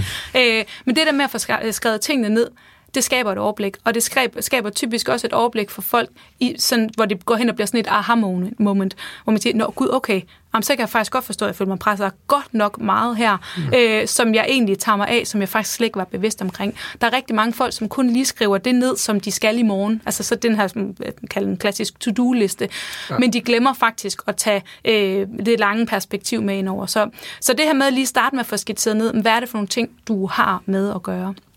Øh, og så kan man sige, når du først har øh, overblikket, så bliver det jo allerede nemmere. Så kan man sige, så kan du få aktiveret nogle valg. Så kan du gå ind og sige, okay, hvad for nogle ting laver jeg hver eneste dag, som faktisk ikke skaber værdi? Hvor, altså, og jeg har selv siddet med nogle af de her, mange af de her ting, som Dennis Nørmark måske vil kalde for pseudoarbejde. Jeg har også selv siddet med sådan nogle ting i organisationer, hvor man bare føler, at man dør langsomt inde i, man sidder og laver en eller anden øh, ledelsesrapport, og bruger øh, halvanden måned på det, og hele grafikerteamet er engageret, og så er der så er der fire direktører og en hund, der læser den, ikke? hvor man tænker, ah, crikey, mand, det kunne jeg godt have undgået. Mm. Så, så det der med ligesom at få filtreret ud og siger, godt, hvad for en værdi skaber det her? Er der nogen, der læser det? Er der nogen, der ser det? Skal det her bruges et sted? Rigtig meget af det, vi laver i løbet af dagen, kører på autopilot. Rigtig mange af de ting, man gør, gør man bare fordi, det har man altid gjort, eller fordi det er en eller anden, der lige har bedt en om. Så når, når vi skal finde ud af, hvad det er for nogle ting, der, skal, øh, der skaber impact, hvad for nogle ting, der for alvor har betydning, så handler det rigtig meget om at skifte den øh, autopiloten ud, altså den her ubevidste adfærd ud med en bevidsthed. Så simpelthen tage dem en for en og sige, godt, hvor giver det her mening hen? hvem er det, der skal bruge det her? Hvad er det, det skaber af værdi, og i hvilken sammenhæng? Så simpelthen løbe sine ting igennem, og på den måde kan man få luet ganske meget ud, eller man kan også få øh, prioriteret dem på et senere tidspunkt. Det er også noget af det, der nogle gange sker. Så nogle, nogle af de, de kunder, jeg har, som vi har jo sådan en det er også noget, der bor i os øh, øh, øh fra, fra øh, biologiens side, det er, vi kan godt lide øh, quick gains. Altså, vi var selv lidt inde på det, på det før. Det er sådan lidt en bias, vi har alle sammen, at vi vil gerne, vi vil gerne vi vil hellere have korte, øh, korte gevinster i dag, i stedet for øh, oplagte øh, bedre gevinster på den lange bane. Så når vi har en, en liste af opgaver, så har vi sådan, at det skal laves nu, det skal laves nu, om det haster også, om det der, det, om så må det blive eftermiddag eller i morgen, hvor jeg bare sådan, hvad med om to uger? Hvad vil der ske, hvis du begynder på den her om to uger? Ej, men, ej, men det er også rart at komme i gang. Men det er også rigtigt, men du har rigtig meget på pladen, og du kan ikke nå det, du har allerede. Så hvad med lige at bruge tiden til din fordel? Hvad, hvad med lige at kigge ind i kalenderen om to uger? Hvordan ser den ud? Ah, men der er straks lidt mere luft. Fordi vi planlægger, hvis vi kigger i vores kalender, de fleste vil have det sådan, den her uge, fucked, næste uge, øh, er også lidt fucked, men sådan rimelig okay. Men når vi kommer to, måske tre uger hen, så kan vi begynde at trække vejret, så begynder der at være luft. Så hvorfor ikke bruge tiden til vores fordel, og i virkeligheden begynder at planlægge lidt mere langsigtet, fordi alt skal ikke ske i dag. Der er nogle ting, der haster mere end andre. Der er nogle ting, der er vigtigere end andre. Så sørg for at tage tiden ind som et element, den, den lange tid ind som et element. Jeg sidder her flag med, med armene, det er der jo ikke nogen, der kan se, men øh, som et element, når vi gerne vil, vil planlægge og strukturere og filtrere ting fra. Det handler i høj grad også om at finde ud af, hvad er det, vi skal stoppe med at lave? Hvad er det, vi ikke skal lave mere? Ja. Øhm, det var et langt svar på et egentlig ret enkelt spørgsmål. ja, det var det. Godt, godt, godt men langt. Nå, det er godt. som man siger. Hvad hedder det? Ej, jeg synes, uh, Maria, der er en masse, der er en masse interessante ting i det. Um, og jeg tror i hvert fald, en af de vigtige ting at, at tage med, som du også netop siger her, og i hvert fald også mine egne erfaringer også siger, det er netop det der med bevidstheden om det, og det der med, ja. altså, fordi det var i hvert fald en af de øh, hvis vi skal prøve at hoppe et, et lille skridt videre, som også er en af de ting, jeg har taget med lidt med for vores samarbejde, mm. og som, som jeg egentlig også faktisk, det var egentlig første Dave Allen, øh, jeg læste Getting Things Done, som egentlig lidt det der med, øh, han i hvert fald løftede ideen i, øh, i mig, det der, eller plantede frøet, øh, kald det hvad du vil, i forhold til det der med, øh, og jeg tror, han kalder det stress-free productivity, ikke? Altså, mm. men som du selv siger det der med, og det er også noget af det, som vi har snakket om, det her med netop, at en ting er den tid, du reelt set bruger, men en anden ting er også, hvordan du mentalt, ja. øh, hvor meget det fylder ja. mentalt. Kan du prøve at fortælle øh, lytterne lidt om den del af det, fordi det er også noget af det, som jeg vil sige, at, at, at jeg kan se mange øh, formodentlig ikke har et helt øh, fornuftigt forhold til, mm. og nok også noget af det, som måske vil være, apropos de lavt hængende frugter, øh, noget, som, som vil kunne gøre en stor forskel for lytterne. Jo, jo, og det er jo fuldstændig rigtigt. Der er jo forskellige former for tid, kan man sige. Der er jo sådan... Øh, der er jo sådan tik-tak-tiden, altså tiden mm. går øh, minut for minut, og så er der jo vores personlige oplevelse af tid, altså det vil sige, når vi laver noget, vi synes er sjovt, jamen så Nå, så, så flyver tiden afsted, og når vi skal lave momsregnskab her lige om lidt, jamen, så snegler tiden sig afsted, mm. for det er godt nok kedeligt. Ikke? Mm. Æ, så så, så der, der er den del af det. Og så er der også den mentale tid. Æ, og den mentale tid, den er rigtig interessant, øh, fordi man kan sige, det er jo det, som et er, hvor mange timer vi er på arbejde, noget andet er, hvor mange timer vi mentalt er på arbejde. Og det er noget af det, hvor jeg oplever, at øh, øh, rigtig mange arbejder virkelig mange timer, ikke? fordi vi har bare helt vildt svært ved at switche off op i hovedet med de ting, fordi vi går og tænker over ting. Og, og det man også blandt andet gør, når man kigger på, hvad er det for nogle ting, der skaber impact for det første, men også hvad er det for nogle ting, jeg skal prioritere, der spiller den mentale energi rigtig, rigtig meget ind. Øh, fordi noget af det, som er vigtigt at vælge til, det er også nogle af de ting, som jeg, er der noget her på min liste, som bare mentalt fylder mega meget for mig? Er der et eller andet her, som jeg bøvler med? Jeg har lige haft en kunde, som jeg øh, talte med her, inden vi, vi to skal, skulle mødes, som jeg også har i forløb. Og han, øh, han er rigtig travlt og har rigtig mange opgaver. Og i tre uger i træk. vi snakker sammen en gang om ugen. ja. Og i tre uger i træk, der har han øh, fortalt mig om den her anbefaling til en tidligere kollega, som har stoppet i hans team, men som han havde lovet. Det er en god kollega, han var glad, øh, glad for vedkommende, og han har lovet øh, en god anbefaling, og han har ikke fået den skrevet endnu. Mm. Og han blev ved og ved at snakke om den her anbefaling, som han ikke har fået lavet endnu. Øhm, og hvor det sidste sagde, ved du hvad, du er simpelthen nødt til, at jeg arbejder med sådan et, et, et, et koncept, der hedder The One and Only, altså hvor vi simpelthen siger, okay, vi har alle sammen rigtig mange ting hver eneste dag. Hvad er din one and only. Hvad for en ting i dag skal du lave, for at når du lukker computeren ned i dag, så er du faktisk glad og tilfreds. Så synes du, du har haft en god dag. Så har, der, så har du gjort noget, som, som var vigtigt.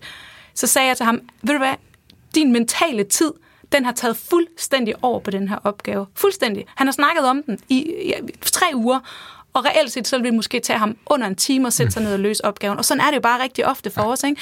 Så hans one and only for den dag, det blev anbefalingen. Øhm, så nu er jeg spændt på at snakke med ham i morgen, og høre, om han, øh, om han også har fået den, øh, om han også har fået den skrevet og sendt afsted, ja. fordi den mentale tid, den, det, er en, øh, det er en killer, øh, og det er virkelig en af den, som kan gøre, at vi også bliver, bliver drænet øh, i vores energi, hvis vi hele tiden går og bekymrer os om alt det, som vi burde gøre, men som vi simpelthen ikke kan snøre os sammen til. Og der, kan man sige, der, der vinkler vi os jo lidt over i et andet, øh, et andet område, som, øh, som også ligger mig meget på sinde, nemlig alt det her omkring overspringshandlinger. Altså som... Øh, Bring it on. Åh, for godt sake. vi elsker og hader dem alle sammen, ikke? Men, øh, men, men overspringshandlinger er også noget af det, som jeg arbejder rigtig meget med, fordi overspringshandlinger stjæler mega meget af vores tid hver dag. Øh, og, øh, og det er en skam, øh, fordi vi jo netop på den måde også får ganske lange arbejdsdage, og jeg vil sige specielt her i det sidste års tid, hvor mange også har arbejdet hjemmefra, og hvor vores, hvad skal man sige, vores, øh, vores individuelle ansvar for at tilrettelægge vores egen hverdag er jo blevet meget, meget større, fordi vi kan have haft de her øh, rammer givet ved at vi går på arbejde og kommer hjem fra arbejde, men at vi ligesom selv har ansvar, ligesom nu er du også selvstændig og arbejder øh, også hjemmefra, og har også selv ansvar for at tilrettelægge din egen tid, men det er jo et stort skift, kan man sige, for mange. Ikke? Øhm, men, øh, og, og der er der bare rigtig mange, der oplever, at overspringshandlingerne, de kommer simpelthen kravlende ind. Lige pludselig så, øh, så er der ting og sager, der rykker i os fra alle steder, og Playstation står hen under fjernsynet og råber af os, ikke? og øh, øh, det er virkelig, virkelig svært at holde, øh, at holde fokus om. Og der kan man sige, at der er jo mange aspekter af det her med at styre os selv og vores self-management, vores egen adfærd, men overspringshandlingerne er et, et ret stort element i forhold til det her med at kunne få en øh, få brugt tiden på det, på det bedste, altså få brugt tiden godt øh, og, og effektivt. Og der er jo Ja, der er jo faktisk tre former for overspringshandlinger, og jeg tror, det er derfor mange de øh, slet ikke er klar over, hvor meget tid vi egentlig bruger på at overspringshandle.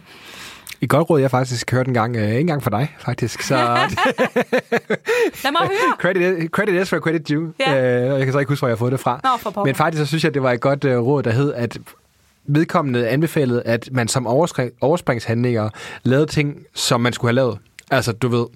Så at man i stedet for at sidde for eksempel på nogle nyhedssites eller øh, diverse sociale medier, som mange folk har som favorit overspringshandlinger, så tog man bare et eller andet øh, og, og, og gjorde noget, som man alligevel ville have gjort, ikke? Ja, og der, altså det, jamen det er jo dejligt, det er jo, det er jo super godt, hvis du kan bruge rådet. Jeg, jeg har lidt en anden, øh, et andet synspunkt på det faktisk, og, øhm, fordi for mig, og i min bog, der er det der også en overspringshandling. Ja. Så der er, ligesom, øh, der er ligesom tre typer. Der er den første, som jeg kalder for strussen, og det er den, som de fleste vil nok tænke, det er den klassiske form for overspringshandling. Øh, så det er der, hvor vi udmærket godt er klar over, at vi er på afveje. Vi ved godt, at vi skulle lave ledelsesrapporten, men vi tjekker lige Facebook i stedet for, eller vi tjekker lige nogle nyhedssider, eller et eller andet. Vi ved godt, at vi er på afvejs, de er ikke så farlige. Så er, der, øh, så er der den, som jeg kalder for opfinderen. Og det er jo den, som du refererer til her. Det er den, hvor vi faktisk begynder at finde på andre tilsyneladende vigtige opgaver med det ene formål at slippe for det, vi egentlig skulle lave. Og i min bog, der er det her altså stadigvæk en overspringshandling fordi vi jo i virkeligheden øh, flygter væk fra det, som vi skulle lave. Så øh, det her med, at vi lige pludselig er ude i en kreativ undgåelse af en opgave, det er altså stadigvæk en undgåelse, og det er stadigvæk i bogen for overspringshandlinger. Så øh, jeg kan godt forstå, hvor det kommer fra. og jeg er jo i princippet også enig i, at det er da, det er da bedre at lave noget, som øh, vi måske alligevel på et tidspunkt skulle have lavet. Øh, øh, i stedet for at sidde og tjekke Facebook. Men når det så er sagt, så kan man sige, at det bliver momsredskabet jo altså ikke løst af. Øhm, og der, hvor, hvor de her øh, øh opfinder overspringshandlinger, de kan blive rigtig farlige, det er, at vi kan ret hurtigt øh, rationalisere over for os selv, hvorfor det egentlig er okay, at vi ikke laver momsregnskab, fordi at øh, Øh, ja, hvad ved jeg? Du er selvstændig. Du er også meget på LinkedIn, sandsynligvis. LinkedIn er et fantastisk medie. Vi skal udvide vores netværk. Det er jo også rigtig, rigtig vigtigt som selvstændig. Man har et stort netværk. Og lige pludselig så har du øh, rationaliseret over for dig selv, hvorfor det er okay, at du ikke laver dit momsregnskab, fordi du har jo skabt connections på LinkedIn og potentielle kunder og bla bla bla. Ja. Så det her med, at vi ligesom får bildet os selv ind, at, øh, at det er okay, Ja. Det er altså en, øh, det er en ret stor potentiel risk, fordi momsregnskabet, det løser altså ikke sig selv. Så på et eller andet tidspunkt, så hedder det den, øh, hvad ved jeg, den 28. februar, og så er det altså i morgen tidlig, vi skal mm. indlevere, og så skal vi sidde der, og revisoren er, er lukket af for i dag, og hvad pokker gør vi så? Ja. Øhm, ja. Og den sidste, bare lige for at have den med os, det er den, som jeg kalder for tornadoen.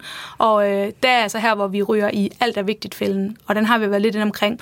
Og det er her, hvor man øh, simpelthen har rigtig, rigtig svært ved at kunne prioritere. Man har rigtig svært ved at vurdere, hvad er egentlig vigtigere end noget andet. Og rigtig mange folk, som er sådan på nippet til stress, eller har en meget, meget stressfyldt hverdag, eller øh, faktisk også ret mange mellemledere, som jeg stifter bekendtskab med, øh, som både har pres ovenfra og også har pres nedefra fra, fra teamet.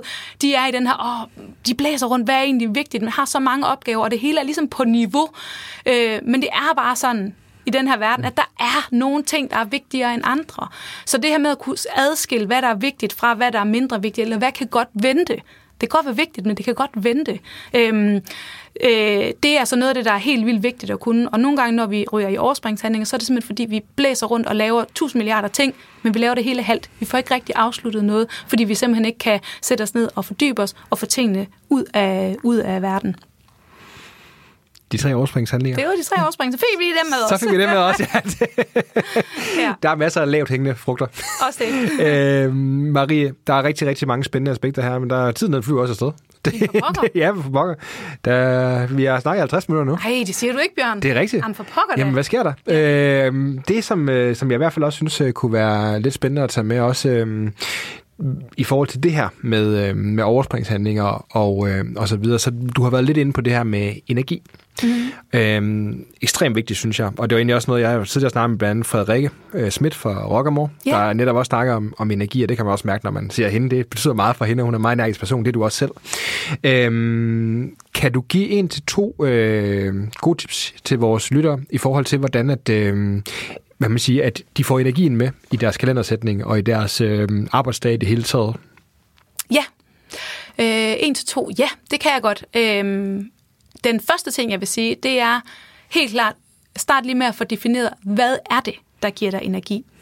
Vær lige skarp på den del. Hvad er det egentlig, der tanker dig op? Hvad synes du er sjovt? Hvad er en fed aktivitet for dig? Hvad er en god opgave for dig? Nogle gange så den the one and only, som jeg snakkede om før, den ene opgave, som bare er, er god at få løst. Nogle gange så er din one and only, det skal være din energizer. Altså sørg for at få den prioriteret. Så for eksempel i dag, mm, Bjørn, der er jeg bare nødt til at sige, du har været min energizer, jeg får mega meget, yes, der bliver lavet high five her hen over bordet.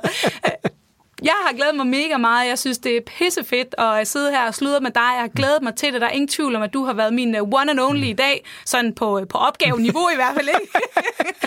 men, øh, Det er godt, min, min hustru ikke lytter med. Ja, ja, præcis. øh, men, øh, men det her med at få defineret sagt, godt, den her opgave, den ved jeg bare, det er en, der giver mig masser af energi, den skal jeg have løst i dag. Det er vildt vigtigt, og det er rigtig godt at være opmærksom på, hvad det er for en type opgaver, der bare tanker dig op, som du bliver glad af, og som du får overskud af. De skal være der, og de skal være der hver dag, og dem skal du skedulere. Dem skal du simpelthen, de skal have en helt særlig farve i din opgave, fordi de er noget særligt. Så det er en ting. Den anden ting, som øh, ligger mig mega meget på sinde, det er pauser. Pauser er noget af det mest produktive, vi kan gøre, og det lyder totalt counterintuitivt, men pauser er så vigtige for vores performance, og vi er vildt dårlige til at holde pause. Øh, Så det her med at huske at få holdt pauser, og det behøver ikke være lange pauser, det er også det, vi skal huske nogle gange, så folk de er sådan, "Jamen, jeg har ikke tid til at holde pauser. Nej, nej, men det behøver ikke at være en lang pause, for at det er en god pause.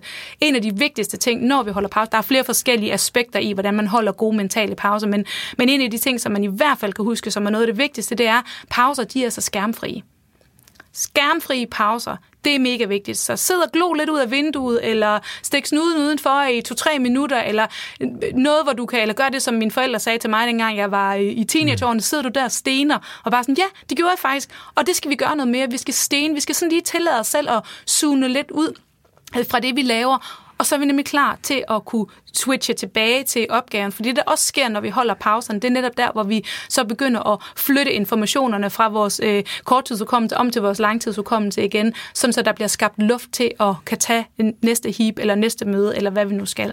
Så, øh, så to helt konkrete ting, det er, sørg for at få defineret, hvad er det for en opgave i dag, minimum, som giver dig mega god energi, og den skal prioriteres, den skal du være bevidst om, og du skal skedulere den. Og det andet er pauserne. Husk pauser. Jeg plejer at sige sådan, gerne minimum fem korte pauser i løbet af dagen, dem skal vi have. Ja. Mm. Og det er, det er sjovt. Øh, faktisk sådan noget som søvn og pauser i det hele taget mm. er jo super undervurderet. Ja, øh, altså, og det er jo noget af det, som vi og samfundet ser næsten lidt ned på, men det er det der med igen, folk forstår bare heller ikke, altså jeg interviewede blandt andet også William Kvist, jo, øh, tidligere FCK, anfører landsholdsspiller, øh, som også sagde, det vigtigste for ham, det var søvnen. Ja. Altså det, det glemte alle, ikke? Ja. Og det er alligevel en, en elitesportsudøver. Øh, og det er det der med, tror jeg, et eller andet sted, det er, som du selv siger, det er så kontra, kontraproduktivt, men, øh, men det er en enormt stærk pointe, det der med netop at så sige, specielt i de her tider, hvor du sidder ekstremt meget foran din skærm, Yes. at en pause er også en, hvor du giver dig selv et mentalt frirum, og hjernen er bare en muskel. Mm. Og der er man bare nødt til at huske på, at øh, en, lige, hvis du laver styrketræning med dine muskler, så skal de også have pauser, det skal din hjerne også. Mm. Ja, jeg er fuldstændig enig. Og jeg vil faktisk sige nu i forhold til det med søvn, altså min, min oplevelse er faktisk, at, at der kommer de sidste par år, der er kommet langt større fokus på det der med søvnens betydning, og det synes jeg er super, super positivt. Altså fordi at ja, bare for 10 år siden, der var rigtig mange, der øh, løb rundt og sagde, fire timer, jeg kan godt klare mig på fire timer. Bare sådan, ja, det er fint, tillykke med det. Det er der bare ikke nogen af os, der kan. Det kan godt være, at vi oplever det, men, øh, men jeg kan da lige give en, en boganbefaling videre her på falderæbet, hvis det er. Men øh, der øh, øh, Matthew Walker, han har skrevet en bog, der hedder Why We Sleep. En fantastisk god bog, som er en af de bøger, jeg har læst, som er mest øh, evidensbaseret, mest forskningsbaseret i forhold til, hvad søvnen egentlig gør ved os og ved vores performance generelt. Og, øh, og en af hans øh, gode pointer er, at de folk, der tror, de kan klare sig med øh, mindre end syv timers søvn hver nat, det er fordi, de har glemt, hvordan det føles at være udvilet. Ja. Øh, helt fair and square, fordi vi har bare brug for mellem syv, øh, syv og 8,5 times søvn, tror jeg det er, ja. hver nat øh, som voksen menneske. Og mm. øh, og det er der ingen tvivl om. Selvfølgelig, nu har du små børn, og så er det altid farligt at snakke om øh, søvnbehov, fordi man er sådan, ja, hvad fanden kan man lige gøre, ikke? Når, øh, når unge græder, man er ligesom nødt til at stå op, og, øh, og sådan er det. Men man kan sige, når man ligesom kommer ud over det stadie, hvor man kan begynde at regulere sin egen søvn igen, og øh, så, øh, så det her med at komme i seng i ordentlig tid, det er faktisk noget af det bedste, vi kan gøre for at, at være top-performende dagen efter. Ja. Ja. Vanvittig god pointe, Marie. Tiden flyver afsted Ja. øh, i godt selskab. Så øh, jeg tror, jeg tager en enkelt point med, og så tror jeg, vi hopper, til, hopper videre til de her, øh, som regel, så plejer jeg lige at slå af med en øh, 3-4 relativt hurtige spørgsmål. Okay. Øh, men en enkelt ting, som jeg egentlig bare vil tage med fra egen erfaring, også i samarbejde med dig, som jeg også synes er væsentligt, og som jeg måske også synes kunne være fedt at give videre til lytterne. Kan man sige, det er det her med, at altså, det der i hvert fald for mig øh, fyldte meget, det var det der med øh, muligheden for man kan sige, nu er jeg jo startet, nu er jeg jo gået ud og startet et startup, øh, så det selvfølgelig har været ret vildt skift for mig at komme være i et corporate miljø, hvor at du havde, altså, du var smidt direkte ind i en maskine, hvor der var en masse kultur og så videre. Det du egentlig i langt højere grad kan definere din egen hverdag, som, mm. som jeg kan nu som, øh, som iværksætter. En af de ting, som, som jeg i hvert fald oplevede, egentlig både dengang, men egentlig også i skiftet til at blive iværksætter, det er den her med, øhm, og så alle de projekter, og alle de, øh, igen, det er den matrix, som jeg ikke kan huske, hvad hedder. Men du ved, som urgent, uh, not urgent, important, not important. Uh, Matrixen. vigtig matrix. Eisenhower. Præcis, Eisenhower. Yes. øhm, det der med at få, øhm, at få de her store, vigtige, men ikke hastende opgaver øh, defineret Ja. som opgaver, og få tidsat og få kalendersat, som yes. er noget af det, som jeg har strugglet en del med i, gennem de sidste par år.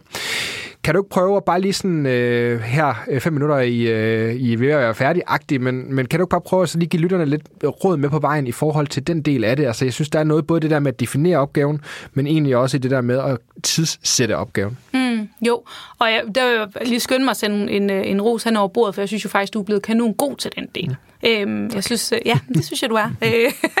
Øh, og det er jo mega fedt også at, øh, øh, og, øh, at være med i den proces, som, som du går igennem omkring de her ting. Øhm, noget af det, som øh, man kan sige, øh, jeg tænker, de fleste kender godt den her haster vigtige matrix. Øhm, Ellers så smider jeg lige show notes, så kan de i hvert fald se den. Ja, ja, præcis. Super fint. Øh, den, er, den er smadret god. Den er jo kanon enkel, øh, og jeg elsker ting, der er enkle. Men det, som typisk er en udfordring for mange, eller der, hvor, hvor det bliver et problem, det er, at vi, øh, vi har defineret nogle ting, som er vigtige, men som ikke haster.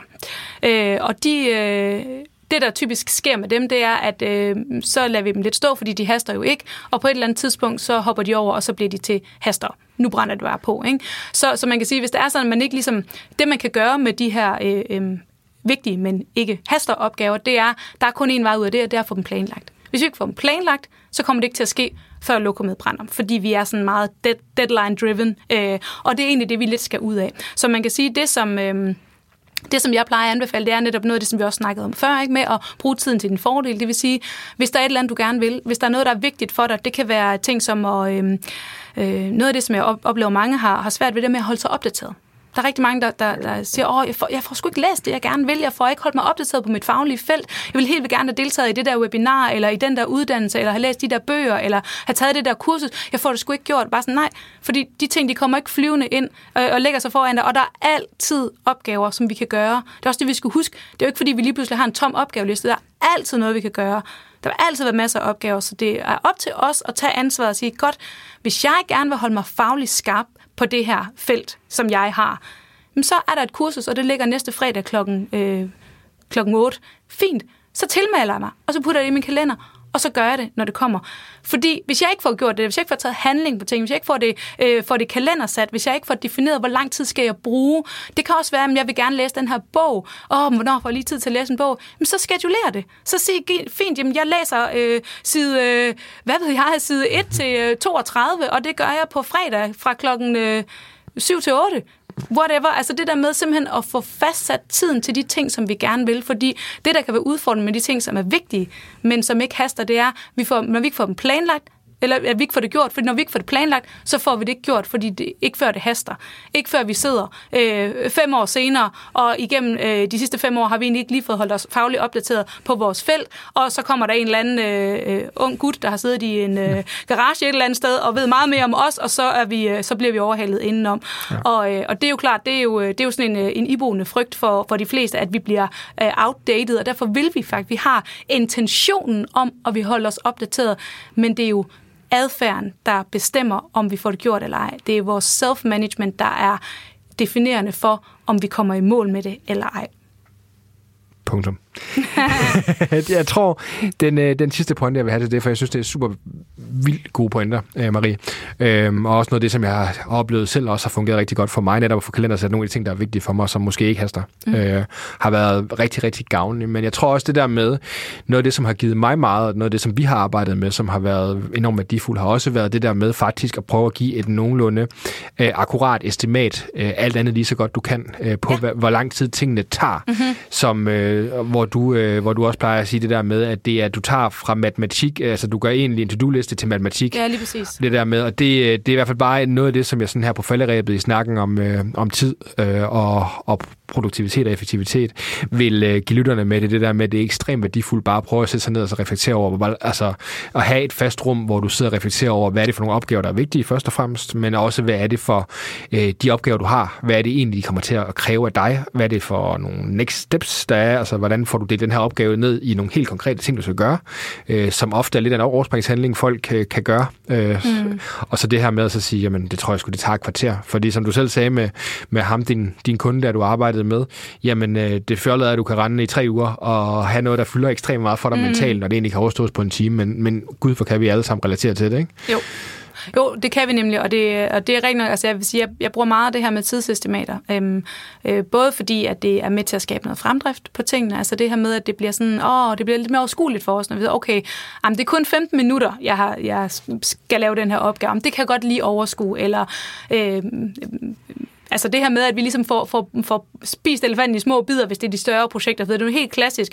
Men det der med at være sådan super konkret, det gør bare, at vi kan gå i eksekveringsmode. Så det vil sige, når vi sidder og planlægger vores dag eller vores uge, mm, så er vi jo i, i, i planning mode, kan man sige. Ikke? Og så går vi ned og siger, hvor meget kan jeg egentlig nå? Hvad er realistisk? Hvor lang tid tager tingene? Tælle, øh, tælle tiden sammen og sige, okay, jamen nu, nu er jeg faktisk på det antal timer for i dag, som jeg skal arbejde, så nu kan jeg ikke presse mere ind her, så må jeg tage morgendagen i brug eller næste uge. Så det er den ene del af det. Men det betyder også, at når vi så skal i gang med at løse opgaverne, så kan vi gå i execution mode. Altså, det vil sige, så er hjernen switchet ind til at sige, at jeg skal faktisk bare gøre det, der står her. Det er ja. nemt for mig at gå i gang. Det er bidt ned i små bidder. Og så kan man jo også øve sig i at sige, at hver gang jeg skifter til den næste opgave, så har jeg den her på 15 minutter, den her på 30 minutter, den her på whatever. Jamen, hver gang jeg skifter til den næste opgave, så skal jeg lige have et øh, lille kort øh, mental pause på 2-3 minutter, og så er jeg klar til at hoppe ind i næste opgave. Så det er også sådan en måde, hvor man faktisk kan ligesom øh, få, få lavet en, øh, en vane omkring, at de her små pauser, de skal ligge mellem opgaveskiftene. Ja. Mm. Enormt gode vaner har også øh, hjulpet mig enormt meget. Så Marie, over en time har vi gået nu. Au. Du må speede det lidt op ja, ja. i, i uh, efterproduktionen. vi kommer til at lyde ligesom, uh, ligesom uh, du ved, de har hamster, ikke? ja, musene fra, uh, fra Disney. Ja. ja, for fantastisk. Altid dejligt. Meget effektivt, men uh, måske også lidt irriterende at høre på. Muligvis.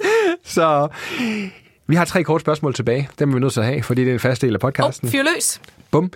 Det første spørgsmål, det er et, der er bragt i samarbejde med Mofibo, som jo er sponsor på den her podcast. Det er det her spørgsmål, Marie med. Øhm, har du en specifik bog, øh, som du har anbefalet meget til andre, eller måske ligefrem givet i gave? Nu har du lige nævnt uh, Why You Sleep, så lad være med at nævne den, men... Øh, Øh, ja, har jeg det? Og nu vil du godt lige have haft sådan en quick point. Jeg sidder lige og tænker, hvad jeg måske egentlig lytter til nu. Jeg er jo sådan en gammeldags en, så jeg kan jo godt lide bøger i hænderne. Det skal man måske ikke sige her. øh, jeg kan godt lide det, de lugter af, faktisk. Ja. Øhm, øh, jamen, øh, jo, den seneste bog, som jeg lige har læst, øh, den hedder Indistractable, og det er med Nia Earl. Han øh, har øh, med- beskæftiget sig rigtig meget med forstyrrelser indre og ydre forstyrrelser, som jo øh, er meget beslægtet med overspringshandlinger. Øh, så der har vi også et interessefællesskab. Det er en fantastisk god bog. Den vil jeg meget gerne øh, anbefale videre. Ja. Jeg ved ikke, om den findes som lydbog, men øh, må ikke den gør. det gør den nok, det gør den nok. Marie, øh, hvis du nu havde mulighed for at sende en sms-besked til alle mennesker i hele verden, hvad vil du så skrive i den sms-besked, og hvorfor? Så vil jeg skrive, øh, hold en pause. Mm. Og øh, lyt til afsnittet, så kan du høre, hvorfor. Mm. Husk lige at få et link med, ikke? Det, øh, Ja. det øh, er, den er meget self-explanatory, hedder det det? ja, jeg vil, øh, jeg vil linke den til dig, til øh, podcasten. Det er en plan. Godt. Sådan, det er det, vi gør. Det sidste, det sidste, det sidste spørgsmål her, Marie, det er det her med, øhm, hvad er det bedste råd, du nogensinde har fået? Det kan være professionelt eller privat, whatever comes to mind. Jeg synes, det er nogle store spørgsmål, du slutter af med. Ja, du skal lige have lidt øh, at gå hjem på, ikke? Ja, men det er rigtigt. Det er godt. Det bedste råd, jeg nogensinde har fået.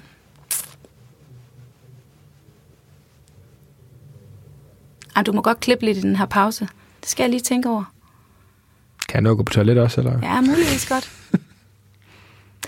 Jeg tror, øh, det, det bliver måske lidt kliché. Er det okay? Kan vi slutte af på en kliché? Bring it on. Okay. Øh, som de fleste andre, der er hoppet ud fra et øh, yderst velbetalt og godt øh, fuldtidsjob over mod en, øh, øh, en usikker karriere som øh, selvstændig, øh, gør sig en masse overvejelser. Og det gjorde jeg selvfølgelig også. Og øh, jeg tror, det bedste råd, jeg fik i den forbindelse, det var, hvad er det værste, der kan ske? Prøv lige at finde ud af, hvad, hvad, hvis det var sådan, hvis alt går galt, hvad er det aller, aller værste, der kan ske? Og er det stadigvæk det værd? Øhm, og det blev egentlig sådan ret skældsættende for mig, fordi man kan gå og forestille sig alt muligt, men, øh, men når alt kommer til alt, jamen øh, alternativet for mig på det tidspunkt var meget værre. Prøv at tænke, hvis jeg øh, vågnede op som øh, 80-årig og tænkte, ej shit, havde jeg da bare, hvad nu hvis, hvad kunne det have blevet til, ikke? Mm. Øhm, så øh, ja, jeg synes, jeg ved sgu ikke lige, jeg synes, øh, den blev meget kliché at slutte af på, øh, Bjørn. Det ved jeg ikke rigtig lige, hvordan jeg har det med. Altså hvad, Marie, jeg er sikker på, at der er mange, der kan få glæde af dit øh, råd, kliché eller ej. Jeg synes i hvert fald, det var godt, og jeg kan godt relatere til det. Så lad os øh, lad det være parting words i en øh, fantastisk god snak. Tak fordi du øh, havde lyst til at være med, og tak fordi du har lyst til at dele alle dine indsigter med lytterne. Det har været en fornøjelse. Det har været så super hyggeligt. tak for nu. Tak for det. Du har lyttet til Rollemodellerne. Podcasten er produceret af mig, Bjørn Vestergaard Barfod. Klip og redigering, Anders Guldberg. Jeg er tilbage med en ny inspirerende gæst næste gang, så du kan starte med den bedste inspiration.